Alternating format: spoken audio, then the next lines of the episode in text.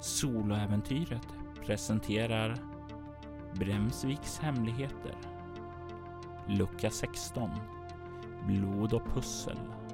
Del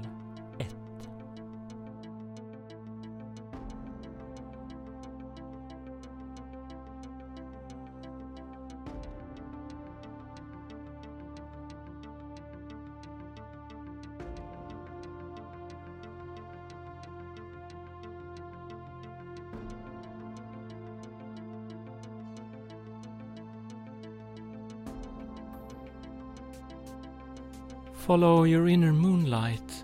Don't hide the madness. Allen Ginsberg.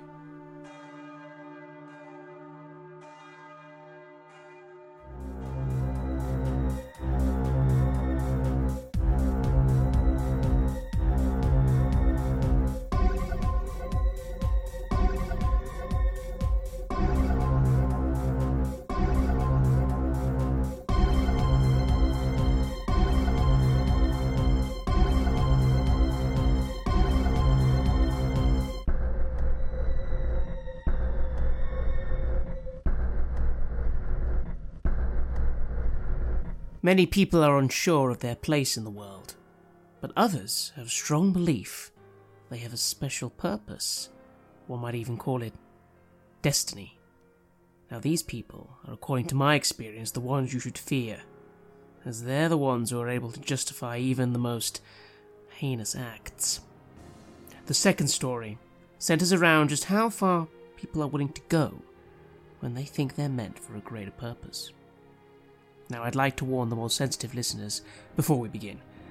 This is a story with explicit gore and sadistic content, so please, if that sort of thing upsets you, either skip forward or find a safe place where you're comfortable listening to this gruesome tale about some truly horrible people. However, if that's something you think you enjoy listening to, well, then I have the perfect story for you. Ett motell i Oregon 2011. Jordi stängde av tvn då nyhetssändningen var över. Visst, det var inte slutet på kanalens sändningar, men vem hade egentligen tid att följa alla de där såporna som verkade på att gå på alla kanaler jämt och ständigt? Nej, det enda som intresserade henne var nyheterna. Genom dem kunde hon hålla koll på Fates och Ordens aktiviteter. Inte för att det rapporterades öppet om dem, men för den som kände till deras modus operandi var det enkelt att känna igen bakomliggande drag i händelserna som skedde. Jordi var en av dem. På något sätt hade hon lyckats hamna på båda organisationernas dödslista, vilket inte var en liten bragd då Fate och Orden var varandras dödsfiender. Det var därför som Jordi höll koll på nyheterna. När man var på flykt höll man ögonen öppna efter alla fiender. Att inte göra det skulle troligen resultera i ett snabbt dödsfall. I alla fall om Fate fick tag i henne. Om orden fick tag i henne väntade troligen ett långt förhör. Och alla som kände till lite om kyrklig historia var väl medvetna om hur inkvisitionen förhörde sina fångar. Gjorde var säker på att hon inte skulle få en bättre behandling. Jordi sträckte på sig och satte sedan igång med kvällsgymnastiken. Det hjälpte henne att varva ned efter dagens vedermödor. Efter ett enklare träningspass och ett duschbesök sjönk hon ned i fåtöljen och öppnade upp plastförpackningen för att komma åt sin kvällsmat. En sunkig kycklingsallad. Eller ja, det var väl inget fel på den egentligen, men det var inte riktigt lika god som att eh, beställa en färsk sådan. Maten gick ner i magen utan problem och strax därefter for även plastförpackningen ned, även om den hamnade i papperskorgen istället för magen. Gäspande ställde sig Jordi upp och sträckte på sig och försökte få ur tröttheten ur kroppen, men utan att lyckas. Istället var det bara att ge efter för sömnens bakhåll och släcka lamporna. Ytterligare en gäspning hann undslippa från Jordi innan hon kröp ned under täcket och föll offer för sömnens lumska angrepp. Lyckligtvis för Jordi var hennes sömn inte djup. Den hade inte varit det ända sedan hon blev fejtagent runt 20 års ålder och sannerligen inte sedan hon blev ett jagat villebråd. Hon vaknade till av det minsta oljud som bröt den naturliga ljudbilden som fanns och det försiktiga smygandet av en person i hennes rum var definitivt ett sådant ljud. Instinktivt sparkade Jordi ut foten i riktning mot ljudets källa hon kände hur foten träffade sitt mål och av det plågade ljudet att döma som responsen ingav tillsammans med den lätta dunsen så hade personen fått en spark i mellangärdet och trillat omkull. Med tanke på hur ljudet lät eh, så var det troligtvis en kvinna som var i hennes rum. Jordi slet åt sig sina kläder och tryckte dem mot famnen medan hon rusade mot dörren i blott sin pyjamas. Hon slet upp dörren och lät dörren bli hennes skuld medan hon avvaktade. Hade personen en partner skulle den troligtvis befinna sig utanför. Från månljuset utanför kunde hon se att personen var kåpklädd och bar någon form av teatermask i svart och vitt. Det såg inte ut som någon från Fate eller Orden. Jordi hade emellertid inte lust att stanna kvar här och ställa frågor. Kunde den här pajasen finna henne skulle det som jagade henne definitivt kunna göra det. Efter att Jordi har fått på sig sina byxor och sin tröja spanade hon ut på gården utanför motellet. Mestadels syntes nedsläckta rum och bilar, men bortsett från det så kunde hon i månskenet se en person som vandrade från sitt rum. Han verkade vara på väg till sin lastbil som stod parkerad längre bort. Även om Jordi inte kunde se någon hotbild så var känslan att något var fel stark. Med våldsam kraft slungade hon sin armbåge bakåt och träffade återigen den maskklädda kvinnan i mellangärdet. Jordi drog sig in bakom dörren igen och kastade ett öga på kvinnan som nu åter låg på golvet och kved. Endast ackompanjerad av ljudet från lastbilen som startades där ute. Det går inte så bra för dig va? Jordi fick inte något vettigt svar från personen. Inte förrän hon förväntar sig det, men meningen var mer till för att markera kvinnan att hon borde hålla sig lugn och inte göra något dumt. Det var då som Jordi la märke till att något fallit ur kvinnans hand. En spruta. Jordi böjde sig ned för att stampa upp den, vilket fick kvinnan att desperat försöka sträcka sig efter den. App, app, app, Skulle inte tro det. Med andra handen greppade Jordi kvinnans hand och bröt snabbt och effektivt fingrarna bakåt till det knakade till och frambringade ett plågsamt skrik ifrån kvinnan. Jordi släppte greppet och kom upp på fötter med sprutan i handen. Hon rörde sig snabbt och ihopkrupet mot sin bil och kunde se hur lastbilen var på väg att vända för att komma ut på vägen. Hon kunde se att det var en lastbil med öppet flak och av företagsloggan att döma så var det troligtvis med jord som fraktades. Jordi nådde sin bil och stannade till för att få fram nycklarna. Hon kände då hur en spets borrade sig in i hennes rygg. Känslan var vagt bekant för henne sedan tidigare. Under ett av uppdragen under hennes tid i Fate hade hon blivit skjuten med bedövningspilar. Instinktivt övergav Jordi sin plan att fly med sin bil. Hon skulle troligtvis inte komma långt innan hon blev medvetslös. Istället började hon springa mot lastbilen. Ytterligare en bil for förbi, men eftersom Jordi nu var på språng var hon inte lika enkelt mål. Skytten var inte tillräckligt bra för att träffa hennes stridsvana rörelsemönster. Efter en rush mot lastbilen tog hon ett rejält avstamp och hoppade mot flaket och fick ett grepp en bit upp på det. Med ren viljestyrka och adrenalin drog hon sig uppåt och kom över kanten. Jordi landade i högen av jord och hörde en sista pil smälla in i den skyddande plåten innan den första bedömningspilens verkan slet in henne i sömnens rike. Professor Ford sänkte geväret och suckade för sig själv. Det var den första personen som hade lyckats slinka undan honom och min. Hittills hade de övriga inte erbjudit några större problem. Han stoppade ner gevär och gick mot bilen där han kunde se hur Min kom utstapplande ur Jordis rum med handen tätt tryckt mot bröstkorgen. Är du okej? Okay? Min kollade frustrerat först på honom, sedan ner på fingrarna och sedan tillbaka upp på Ford. Hennes blick förändrades någon ungefär som hon kollade frågade på honom och undrade om han fick henne. Nej, jag lyckades inte stoppa henne från att fly.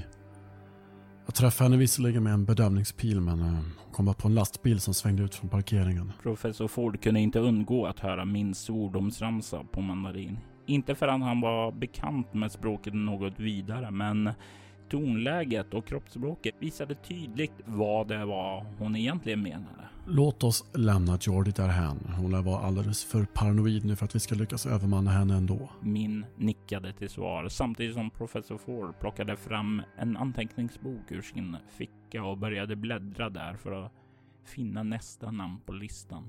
Vi eh, tar ett enklare mål. Rain och Florence Barton. De lever ett liv på flykt, men med min artefakt är det enkelt att finna deras position. Min nickade till svar och började gå bort emot passagerarsätet. Professor Ford följde efter.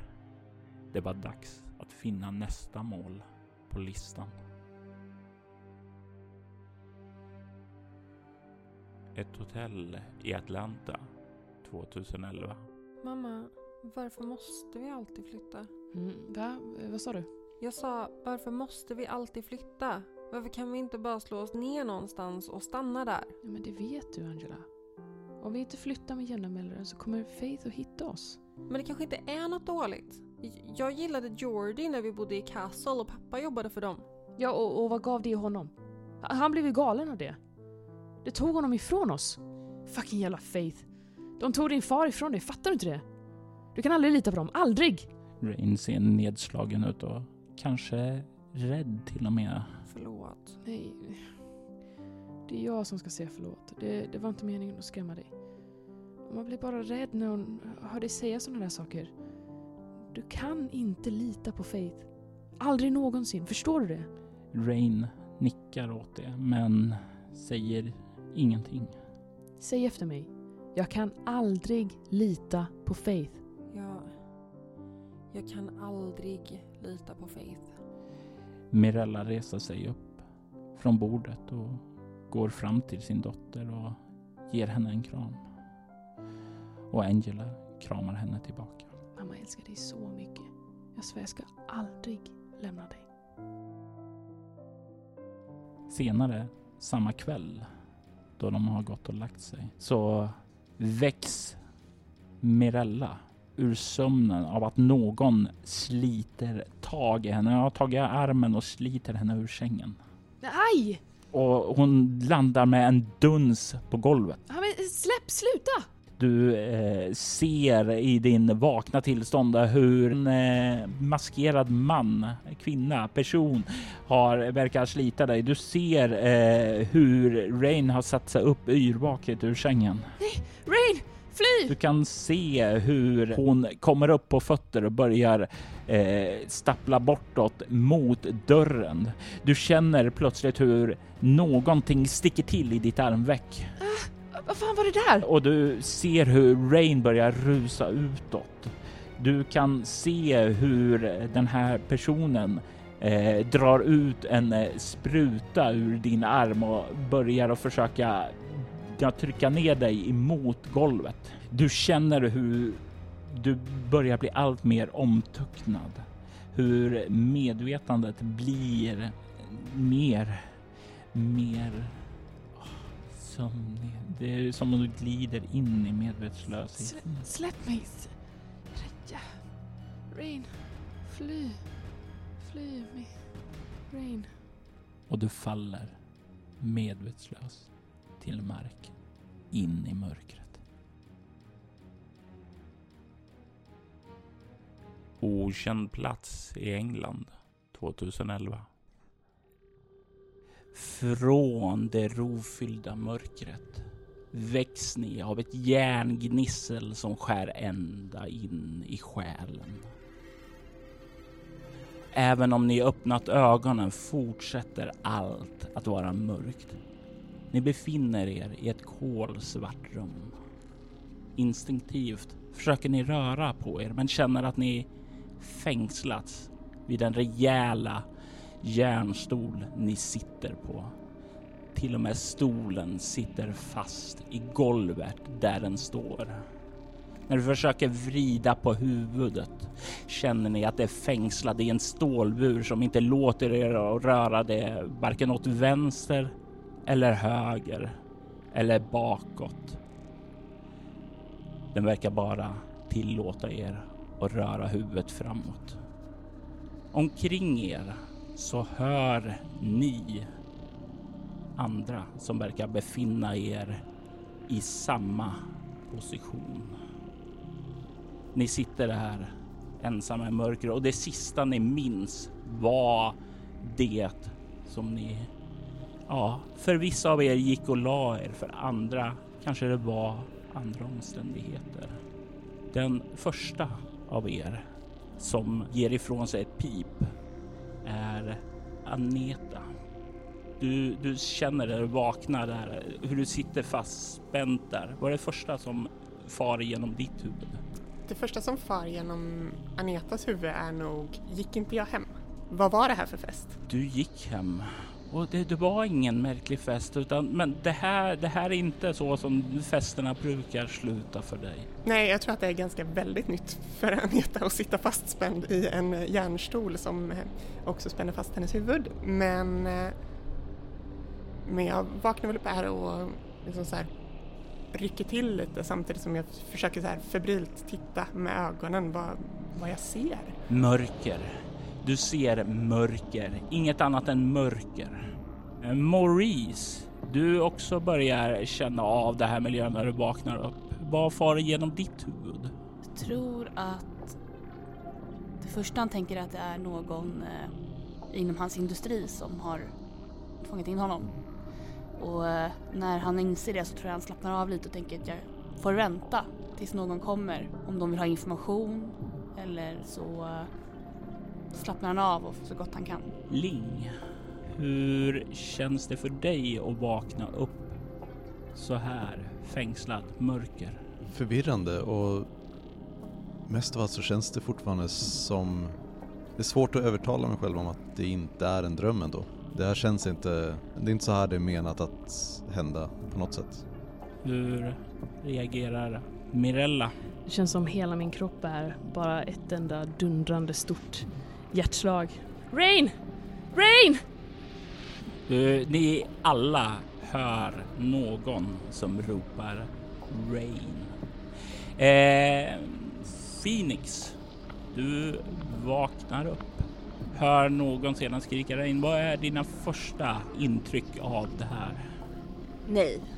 Nej, de har fått mig. De har tagit mig. Nej, jag är här. Eh, säger du det ut eh, högt eller tänker du det? Jag tror att det kommer ut ett... Nej. Nej.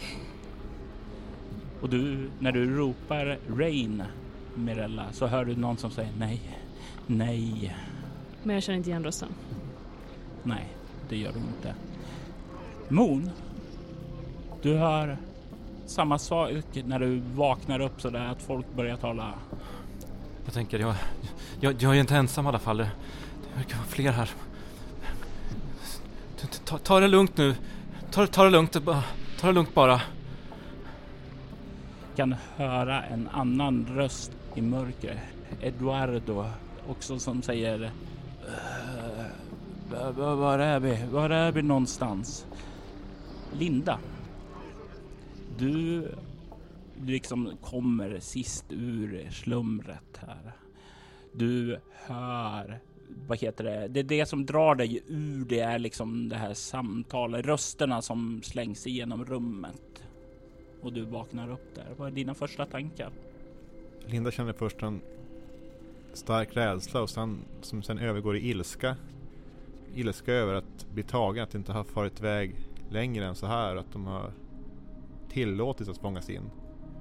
Känns som hon borde vetat bättre. Jag är arg på mig själv. Ni hör alla fotsteg som kommer vandrande in i rummet bort ifrån det håll som det gnisslande ljudet hördes. Personen stannar precis innanför dörren och personen säger sedan genom en röstförvrängare. Ni har ut för att göra ett test. Ni är samlade för ni besitter en förmåga att hjälpa eller skärpa mänskligheten.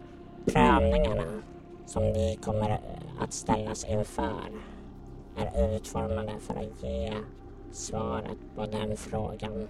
Jag kan sympatisera med er som är rädda och upprörda. Men jag kan inte hjälpa er. Den enda som kan rädda er, det är ni tillsammans. Tillsammans har ni alla verktyg ni behöver för att överleva. Och därefter så hör ni fotstegen vandra bort. Tillbaka därifrån den kom. Och ni hör det här gnisslande ljudet av någonting som glider ned. Igen. Och ja, jag kan säga som så här. Moon, Mirella, Eduardo och eh, Ling. Ni kan se därifrån hon hördes gå iväg så kan ni se en skylt med ett räkneverk som tickar nedåt. Och den står just nu på 12 minuter och 30 sekunder. Visst var våra händer eh, fast också va? Jajamensan. Jag börjar rycka i handfängslena och försöker hitta något sätt att, att trixa ut händerna. Ja, jag vill att du slår ett mycket svårt kropp obemärkt. Då har jag fem i kropp och sju i obemärkt så... En tärning. En tärning. Om du inte har någonting som passar väldigt bra som specialisering. Den, den, är, den är inte applicerbar. 16. Och du känner det här är definitivt någon som är professionell på att spärra fast folk här. Det sitter som ja, fast i ett skruvstäd. Okej, ser, ser ni andra räkneverket eller? Nej. Vadå för räkneverk? Nej. Vad, vadå för någonting? Det, det är t- 12 minuter. 12 minuter till vad? Så kurva, vad är det här för jävla stalker? Alltså, 10 minuter, det är mindre än händer? 10 minuter. Ja, någonting kommer att hända om 10 minuter säger Eduardo. Det, det, det är mindre, mindre än 10 minuter. Hur mycket kan jag flytta huvudet? Framåt verkar du kunna flytta den hur mycket som helst. När du börjar böja dig framåt så vill jag att du slår ett kropp obemärkt. Lätt slag. Var våra fötter fast också? Jajamensan. Sju.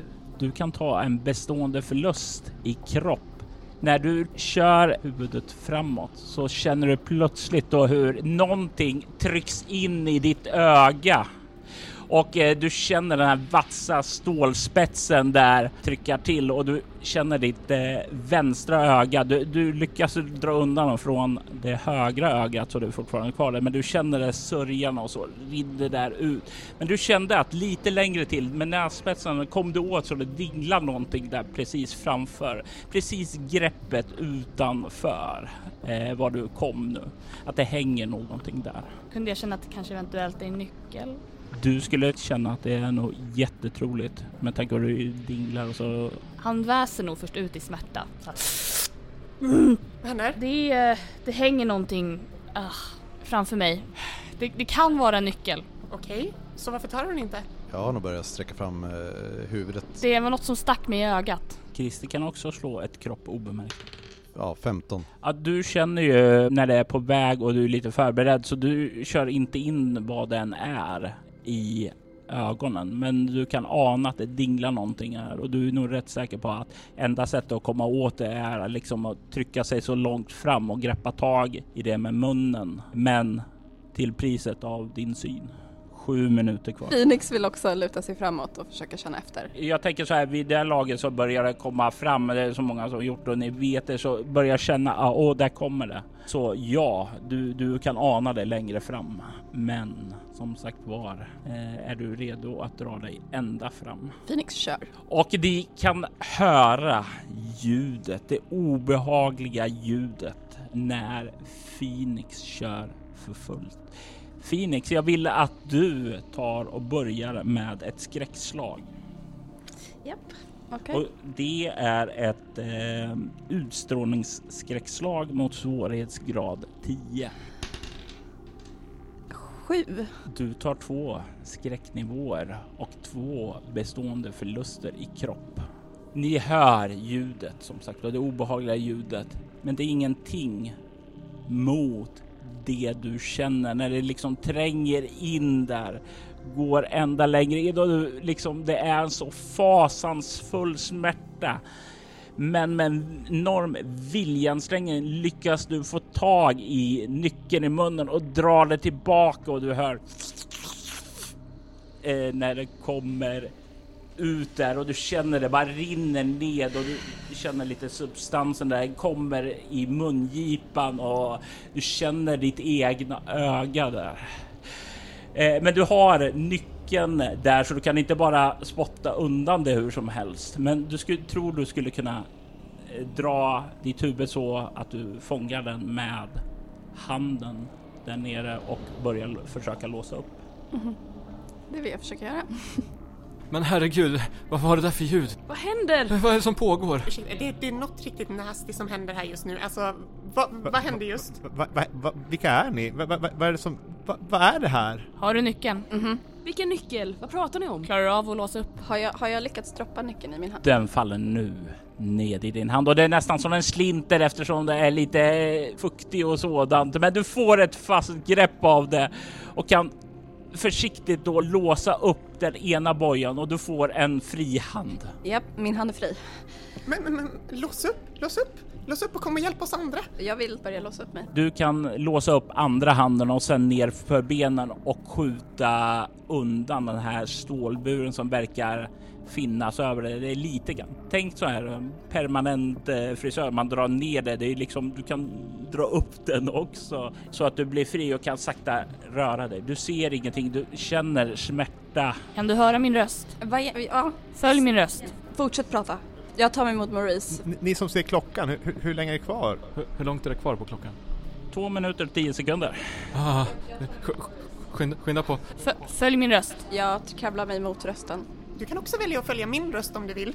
Det säger du ungefär lagom när den kommer halvvägs till den andra. Fortsätter du eller vänder du tillbaka? Jag fortsätter till Maurice. Och du kommer fram till Maurice och kan börja eh, låsa upp eh, dina fängsel och du kan också komma lös. Eh, Kan, kan, kan ni hjälpa mig också? Här, här, här borta. Jag som ser någorlunda, kan jag ta nyckeln och försöka ta mig runt alla? Ja, det är ju inte mycket, alltså du är ungefär lika blind som eh, din eh, befriare. Ja, kan jag ta min nyckel? Ja, det kan du. Då gör jag det. Snälla skynda, skynda! Skynda, skynda.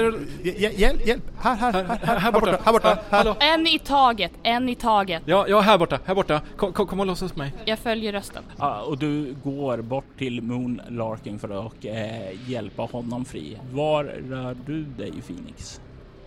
Mm, Nästa... Jag, Jag har ett barn! Snälla ta mig först! Här borta, här, Den röst som känns närmast av de som pratar. Det är ju Linda. här, här borta. Och jag känner inte igen rösten. Nej, du känner inte igen rösten. Vilken tur för henne. Då hjälper jag henne. Skynda dig, snälla. Här borta, här. Ja men då, då går jag mot eh, Linda och hjälper henne. Och när ni väl har befriat varsin till och de också kan befria och ta och eh, sin nyckel och börja låsa upp så kan ni ganska snart alla komma fri ifrån varandra. Och ni ser som sagt var inte alls mycket där. Det är mörkt. Det enda som ger ett vagt litet ljus eh, är klockan, timern som eh, står på en minut kvar och börjar räkna nedåt nu. Eh, akta er för de här svarta spikarna nu i stolarna. Hur ska vi oss ut? Kolla om det finns en dörr. Ni börjar röra er mot en vägg och ni kan se att det mesta verkar vara ganska, jag tänkte en sån betongvägg. Det är kallt, det är hårt, det är lite skrovligt också. Miljön under, precis under klockan, är, verkar vara en stålskiva dock. Och det var troligtvis där som det skrapade ifrån när den åkte upp och ned tidigare. Eh, hittar ni någon dörr eller? Är det någon som... Börjar treva efter handtag. 15 sekunder kvar. Finns det någon panel eller någonting? Eh, Du börjar känna efter en panel närheten av ståldörren. Det finns ingen där. Jag plockar på mig nyckeln från, som hängde ovanför, framför min bur. Min, ja, min bur runt huvudet. Det gör du. Den kommer ner på noll.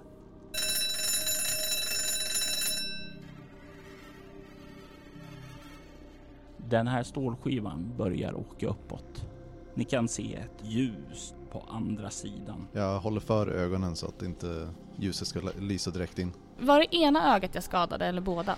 Du har bara skadat det ena ögat så du har... Så jag ser på ena Precis. ögat? Ja. Du har lite så här, det rinner i- där nere, där du har skrapat det yttre. Det kanske går att rädda men just nu så har du dålig syn på det. Jag vill grabba tag i någon, försöka ta tag i någon som jag kan hålla i. Är det någon som liksom erbjuder när ni börjar se ljuset eller är det någon som... Men jag tänker att jag var ändå någon, någon av de sista som kom lös så att jag mm, liksom tar tag i dig och så här Det är lugnt. Ni kan se ut härifrån i en korridor. Ungefär bred nog för att ha två personer bredvid varandra. Korridoren slutar längst bort, kanske 20 meter in i en liknande stålvägg som åker upp här. Jag eh, vill att eh, de som har teknologi 4 räcker upp en hand. Bortsett från... Eh... De som är blinda, okej. Teknologi nästan fyra. Nästan fyra. Nära skjuter ingen hare. Ni kan också på väggarna se att det är eh, ganska så här tjockt glas och det är tänkt att så här rejält tjock, eh, kanske en 10 centimeter tjock. Men det är ändå rätt så klart så man kan se att det där bakom finns ett flertal monitorer. Det är som så när ni liksom står där och kommer fria också att en del av er börjar också känna att eh, i era fickor och sådant så verkar det sitta någonting som inte riktigt hör hemma där. Det är lite olika för er alla, men ni kan alla känna av att det är någonting som inte direkt tillhör er. Jag känner efter. Du kan se att du har nedstuck eller innan stuck innanför din rocksficka att du verkar ha en fickplunta med en lapp på. Alla kan blurra nu förutom Christer. På lappen när du läser den så kan du se att det står det som dricker av flaskans innehåll kommer att bli förgiftade men även se sanningen. Om ni ska ta er levande ut ur prövningen måste någon av er dricka och knyta sig till döden. Eh, Ling, du skulle ju kunna nu ta och presentera hur du ser ut nu när ni börjar komma ut i ljuset, för det är upplyst här.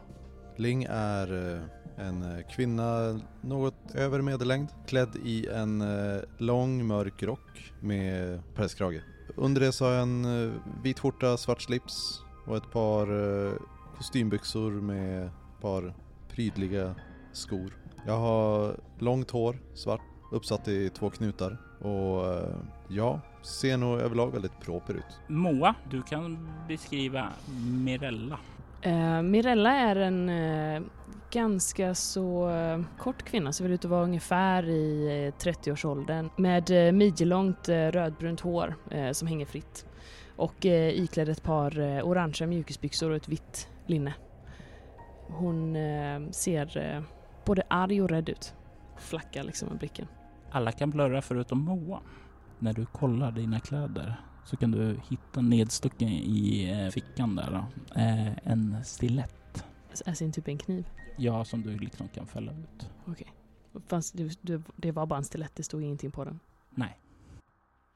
Jag tänker vi går ett varv runt nu och presenterar er alla. Moon, hur ser du ut? Moon har ett eh, blont långt hår. Han eh, är klädd i ett eh, svart träningslinne, mörkblå träningsbyxor och eh, vita löparskor. Ja, eh, blåögd och ja. Mm. Maurice är en lång, attraktiv mörkhyad man. Han har en t-shirt på sig med ett tryck och ett par märkesjeans. Bruna lågskor i läder. Hans hår är brunt, går ner till axlarna och är flätat i rastaflätor.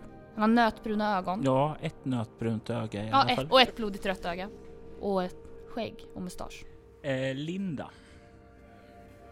Eh, Linda är i 25-årsåldern med tydlig asiatisk härkomst. Dock eh, har hon eh, långt blont hår men det är uppenbart att det inte är hennes naturliga hårfärg. Hon har mörkbrun utväxt. Eh, hon är klädd i jordfärger. Höstbrun knälång kjol, stickad ljusbrun tröja och en eh, mörkgrön t-shirt under den. Eh, och har ett par stora runda glasögon. Mm. Aneta. Man ser ganska tydligt att hon har påbrå eller inslag av eh, slavisk härkomst. Eh, hon är extremt vacker, 26-årsåldern. Väldigt uppiffad eh, i detta läget för tillställningen till ära. Ehm, och har en kort svart lackkjol med en svart ganska genomskinlig blus där man kan skymta en svart spets-bh under. Och ett par stora, höga platålackar.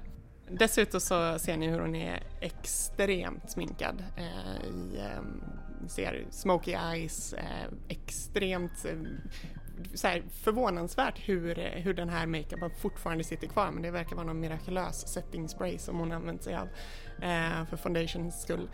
Eh, och ett eh, härligt eh, läppstift med stora guldringar i öronen.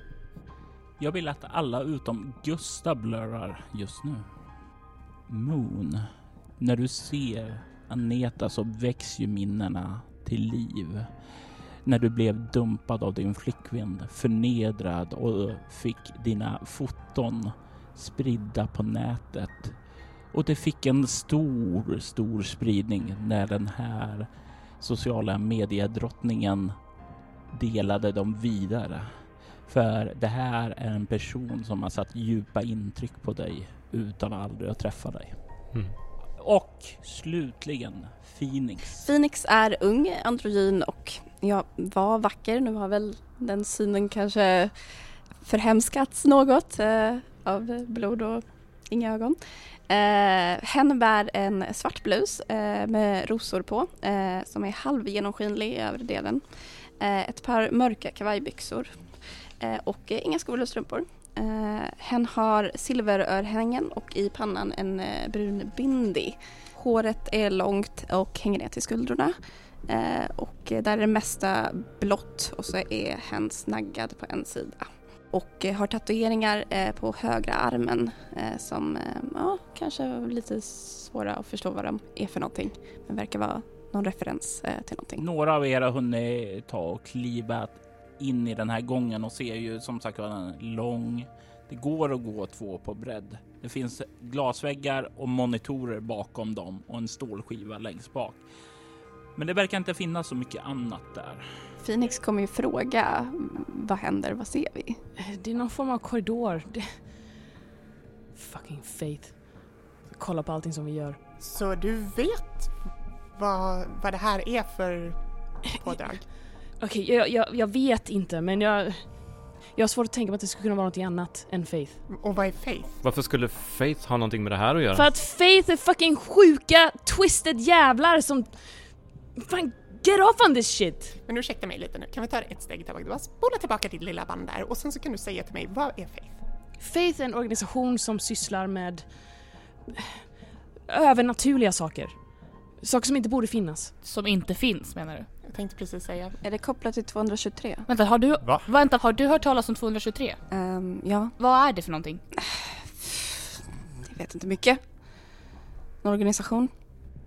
Vad exakt för organisation? Vad gör de? Och kan de, eh, kan de påverka folks drömmar? Va? Alltså, Va? Phoenix svarar väldigt tydligt i kroppsspråket på de orden. Eh, väldigt tydligt att de, det betyder någonting för henne. Jag tror det. Hur hittar de oss? Jag menar varför, varför just vi? Vi alla var en del för att kunna rädda oss härifrån. Det var hon, hon, hon från igår. Min. Min? Min. Vet du vem som tog dig? Någon, ja. Alltså jag fattar inte hur de kom förbi alla säkerhetsvakter. Alltså jag förstår inte. Står och kliar mig i huvudet. Jag tog med någon hem från eh, baren. Det här är sista gången jag dricker vodka. Jag var ute på en löprunda. Jag var ute med några kollegor. Jag la mig tidigt. Ursäkta, kan vi bara så här, vilka är ni? Ja, alla vet ju i alla fall vem du är. Uppenbarligen, men jag frågar ändå för att vara hövlig. Vilka är ni? Kolla runt, blickar alla. Mitt namn är Mirella. Uh, och uh, jag tror att Faith har mitt barn. Så vi måste verkligen ta oss ut härifrån. För jag är allt hon har. Okej, vi måste ta oss ut härifrån. Det, det tror jag alla är överens om. Det verkar ju helt sjukt med den här ögongrejen.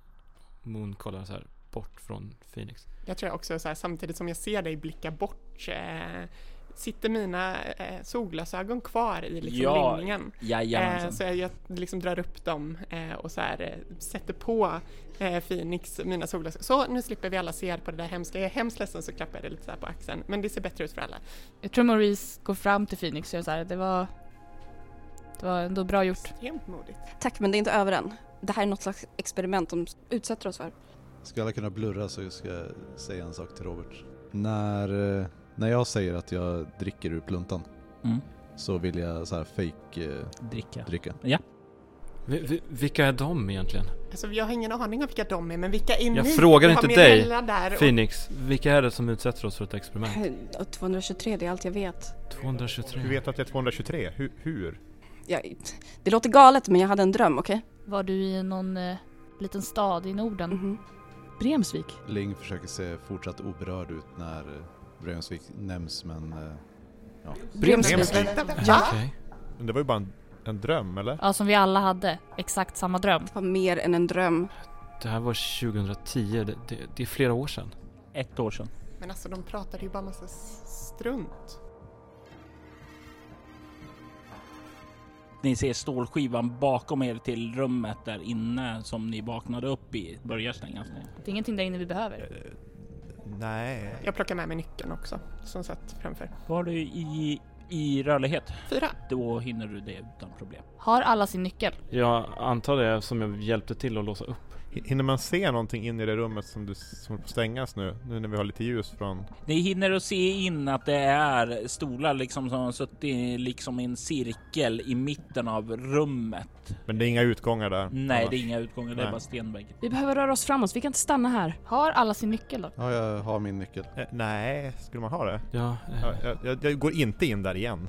Då har... Mm, är det några mer som inte har sin nyckel? Jag fundera på det, det beror ju den, på i den ordningen som vi låste upp varandra. Men jag kan tänka mig att jag kanske inte har min heller. Nej, du var bland de sista så det var Ja. inget behov då heller. Nej, då har inte jag min nyckel heller. Så två saknar sin nyckel då. Eller? Nej, alltså, jag, jag har min nyckel. Jag bara, det här kommer inte vara bra sen men... Stålluckan glider ned och ni kan se hur det börjar flimra i monitorerna och de börjar sakta att tändas. Ni kan se där att det är, det är en ganska mörk bild som tänds där. Det är som om det är filmat i ett rätt så nedsläckt rum. Men ni kan se en person träda fram. Personen är klädd i en mörk kåpa och eh, det enda egentligen som syns in i kåpan är en sån här teatermask i svart och vitt. Där den svarta delen är ledsen och den vita är glad. Och ni hör samma röst som talade till er tidigare. Jag är domaren och välkomnar er till den första rättegången. Ni bör lyssna noga om ni vill ta er levande härifrån. Och jag passar på att ge er ledtråd att Morris har lösningen på hur länge ni har på er. Du känner runt handen att du, men du har ju på dig en klocka som inte du brukar ha. Och du ser där att det är- räknar ned och det är den tidräkningen du har satt på där. Fyra timmar, 14 minuter. Okej. Hä- Vad hände sen? Tiden går ut. Men, men vad hade hänt om vi inte kom lös? Game over. Faith bryr sig inte om vi dör eller lever. Men vad är Faith? Vi har ju sagt vilka Faith är. Du sa att det var en organisation som håller på med skumrask. Ja, det är exakt vad de är. Okej. Men, men har de någon koppling till 223? Jag har ingen aning om vad 223 är, men jag vet att Faith håller på med... Jag, jag vet inte vad, vad du har för någon information om Faith, men de är konsulter som hjälper polisen att lösa brott. Vad har de för koppling till eh, Santiago? Eh, Santiago? Det här är inte viktigt just Det här nu. hjälper oss inte. Vi behöver komma... Precis. Jag vill kolla om jag har någonting mer på mig. Nej, du verkar inte ha någonting mer i fickorna eller sådant. Jag går igenom min kropp nu också vid det här laget. Ja. Jag vill känna också vad jag har på mig. Visst bildade de här äh, väggarna med monitorer en korridor liksom från, från dörren som vi gick, kom igenom? Ja, en 20 meter lång korridor. Och så var det för, plexiglas. Mm, ja, tjock. Eller tjockt glas. för jag går bort till andra änden och börjar på att känna efter det. Jag börjar också röra mig bort dit, men eh, tittar väldigt eh, så här misstänksamt på Moon. när, jag, när jag går förbi. Aneta, i din bh så verkar du ha en Zippo-tändare. En Zippo-tändare. Mm. Och när du tar fram och kollar på det så kan du ha, se att den har en ingraverad bild föreställande Jesus på sig. Alright. Och, och jag känner inte igen den här från eh, Nej, det igår. Nej, definitivt inte din sug. Eh, skulle du säga att du är djupt gu- ja, kristen? Jag skulle nog tro att mina föräldrar var det. Det Eh, var inte riktigt den frågan jag ställde. Men jag Eh, tror inte att jag är det. Mm. Nej. Eh, Jag tror att jag är uppväxt, Mm. eller uppvuxen med det men inte liksom ja, tagit det till mig på, så hårt i alla fall. Du är en typisk svensk. Ja, ja men så här, ja det fin- finns väl kanske men ja. Mm. Eh, Phoenix. Ja. När du liksom känner omkring så kan du i dina kostymbyxor finna en eh, medicinburk. Det är eh, tabletter i den. Du hör det skramla lite. Jag vet inte vad det står på det. Kan jag se att det är... Alltså kan jag se att han håller på med någonting? Tar du upp den? Eller har du bara i fickan? Och? Nej, hen tar nog upp den. Ja. Jag tänker då kan jag ju läsa över axeln. Det finns inga etiketter på den. Hur många piller är det? Om ni skruvar upp den så kan ni se att det är, ja, det är ett 40-tal piller. Eh, det verkar vara väldigt få rosa. Det finns ja, eh, några mer lila, men mest vita. Om någon med syn eh, tar och inspekterar de här så går det att utröna information med ett egomedicin. Vad är det för tabletter du har egentligen? Jag vet inte. Är det för din astma? Nej. Nej. Jag försöker bara... Hur vet du att hon har astma? Hen. Ursäkta, sorry. Hen, hur vet du att hen har har astma? astma. Får jag, får jag bara kolla på dem där?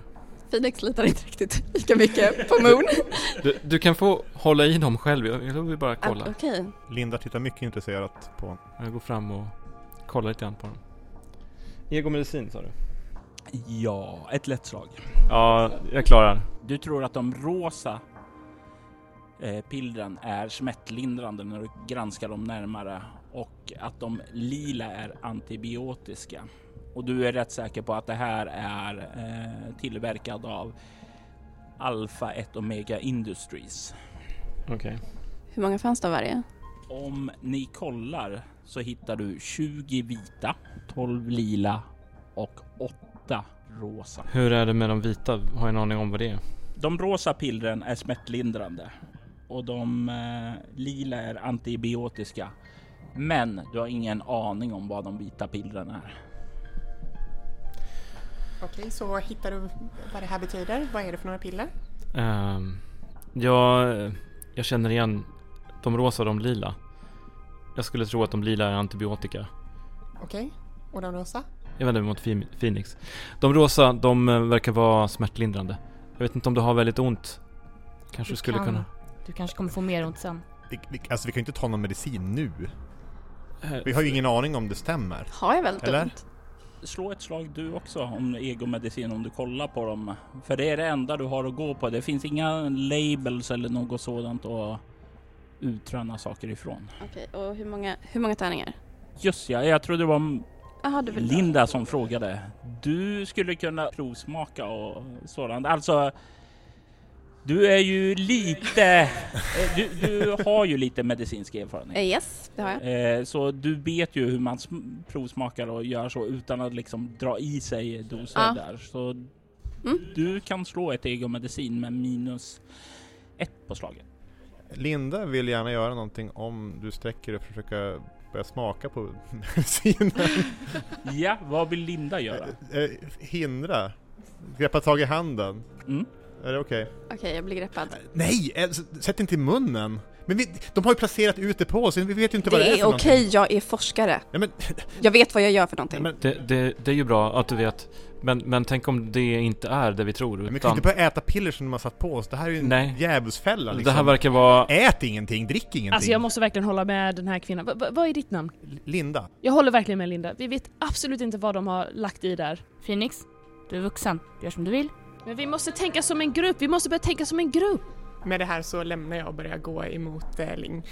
I bakgrunden bakom den här diskussionen så ser väl säkerligen eh, Aneta hur Ling tar fram eh, en fickplunta och, och tar en snabb klunk. Jag går fram, går fram till det och bara så, alltså det tjafs så himla mycket. Va, Vad är det för någonting får jag lov att fråga? Ja, det är, nej, det är bara stärkande. Eh, stoppar tillbaka flaskan i, innanför rocken. Inte alls suspekt. Okej, eh, så har du sett någonting här inne i nästa rum eller? Eh, kan man komma in i nästa rum här? Nej, det är fortfarande en stålskiva. Ja, precis. Har du sett någonting i stålskivan? Jag, jag hå- håller på att känna runt och kollar om det finns skråmor, äh, skrov, skrovor att känna i eller någonting sånt där. Du känner och du kan få slå ett egoteknologi faktiskt. Kan man hjälpa till med det på något sätt? När man har gått fram hit? Ja, hur tänker du dig att du vill hjälpa till? Alltså jag vill också undersöka alltså, den här sidan av rummet för jag tänker väl logiskt sett att det är hit vi ska. Du kan ge henne en plus ett modifikation. Med plus ett så har jag 10. Du ser ju ingen sån här panel överhuvudtaget som finns här, utan det verkar reglerad från någon annanstans, troligtvis fjärrstyrd. Längst ifrån där ni gick in eh, så harklar sig en man som har stått där och varit tyst och mest iakttagit allt som pågått. Det är en eh, mörkhyad man, har lite högt hårfäste, lite krulligt hår, har eh, mustasch och lite eh, skägg där han är klädd i en rock och en huva bakåt. Ser lite, ja så här allmänt eh, ja, medelklass slaskig ut och han eh, håller upp en karta. Eh, ni sa att ni hade någon dröm om Sverige. Eh, jag har en Sverigekarta här i min rock. Okej, vi måste börja samla ihop alla ledtrådar vi har. Vi måste ha koll på vad alla kan göra. De sa innan rösten att tillsammans kan vi lösa gåtan. Jag håller med. Va, vad är ditt namn? Phoenix. Linda släpper Phoenix handled och säger lova att du inte tar några piller. Fine. Eh, det står en sak på kartan också. Det står två stigar för två grupper, men ingen tog den tredje stigen. Jag tittar uppåt. Ser en ganska slät betongtak. Ingenting sticker ut. Nej. Eh, Moon kollar också om man har någonting i sina fickor eller sådant. Du har två stycken gula öronproppar. Okej. För att slippa det här Exakt. Ett, är det alltså en för varje öra eller? eller En för varje två? öra. Okej, så det är inte två par. Linda känner också efter om hon har någonting på sig. Ja, och hon hittar någon. Nu vill jag att alla blurrar. Någon i rummet är delaktig i experimentet ni deltar i och övervakar er. Står det på en lapp som finns i din ficka. Phoenix har rätt, vi måste börja lita på varandra och det är fort. Från monito- monitorerna så ser nu här gestalten Varje handling har sin konsekvens och det är dags för de samvetslösa av er att börja känna av sina. Det här är den första rättegången som ni måste delta i och avgöra varandras skuld. En av er kommer att åtalas medan resten får ta rollen av juryn. Jag kommer att presentera åtalet, visa upp bevisningen och sedan låta er överlägga om den åtalade är skyldig eller oskyldig till anklagelsen. Ni har fem minuter på er att avgöra er från dess att monitoren släcks. Innan ni måste avgöra er dom. Ni avger dem muntligt till mig en efter en. Majoritetsbeslut gäller, men vägrar någon att svara eller om det blir lika döms den åtalade karaktären som skyldig. Fälls den åtalade kommer konsekvenserna av dess handlande kännas om ni kommer ut.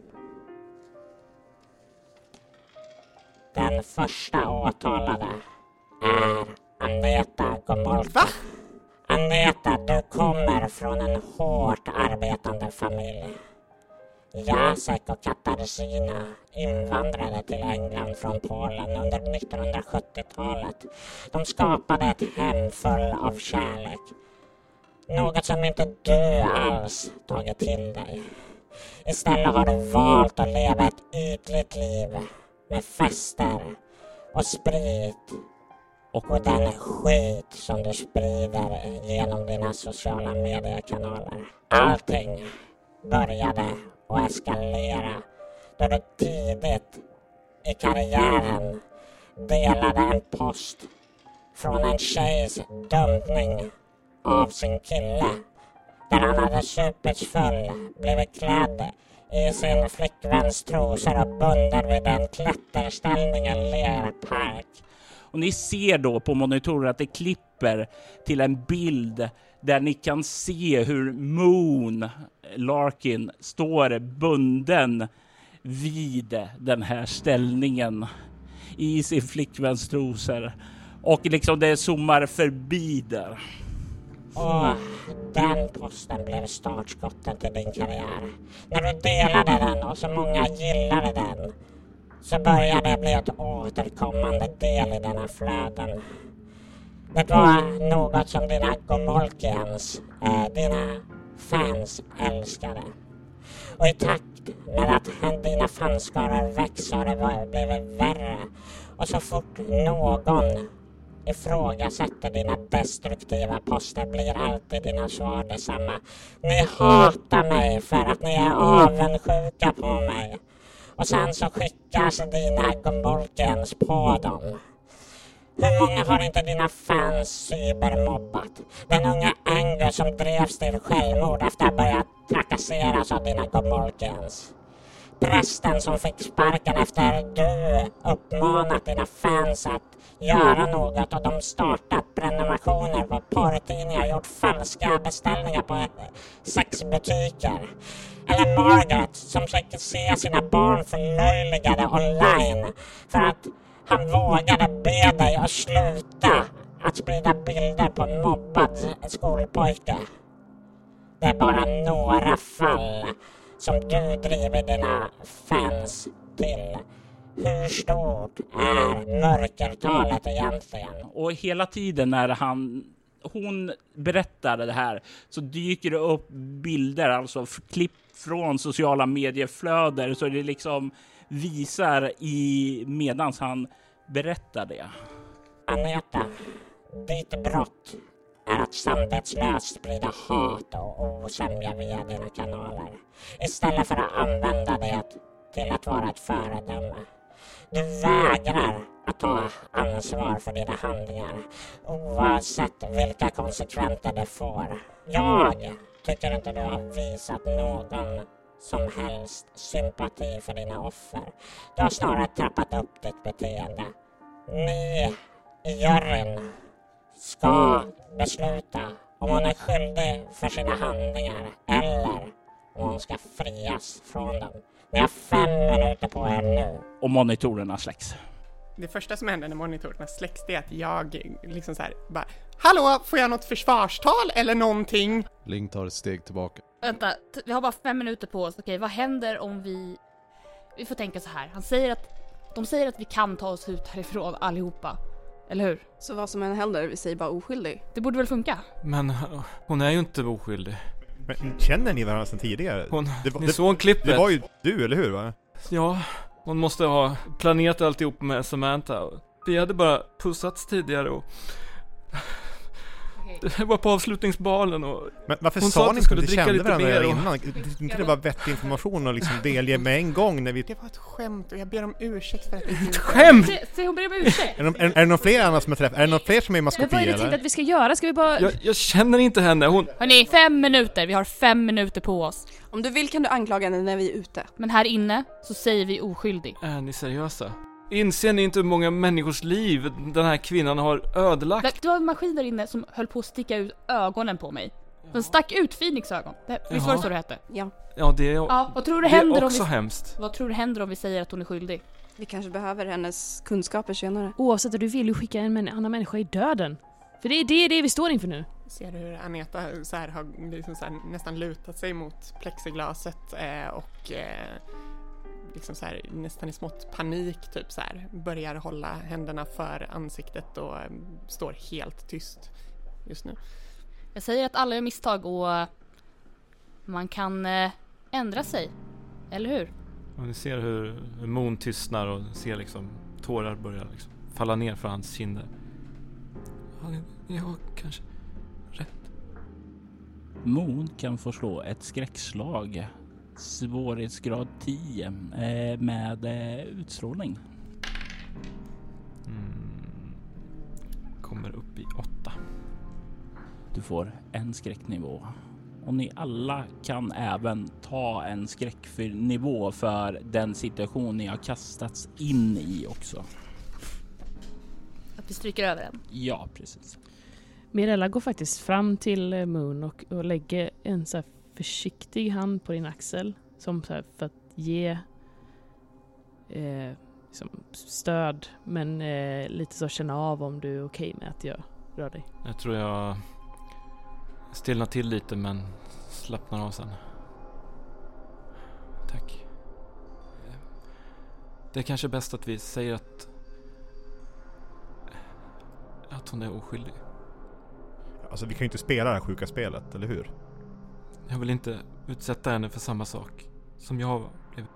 Det är starkt av dig. Monitorerna tänds.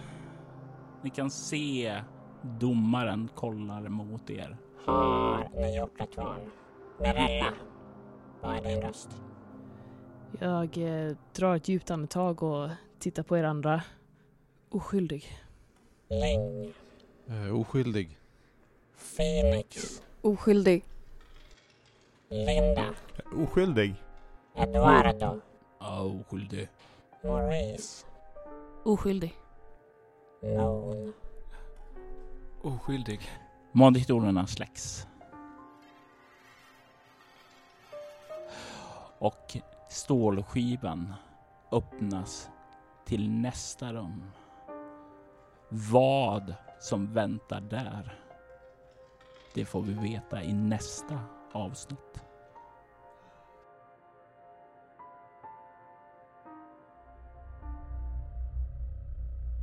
Blod och pussel skrevs av Robert Jonsson till rollspelet Bortom och han stod även för redigering och ljudläggning av avsnittet.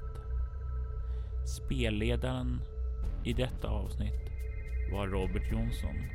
Spelare i detta avsnitt var Moa Frithiofsson som Florence Barton och Mirella Moretti. Agnes Rudbo som Aneta Gomolka. Maja Emily Sögaard Widerberg som Maurice Redfield. Christer Svadlund som Ling Liao. Amanda Stenback som Phoenix. Gustav Rutgård som Moon Larkin och Mattias Lundmark som Linda Wu.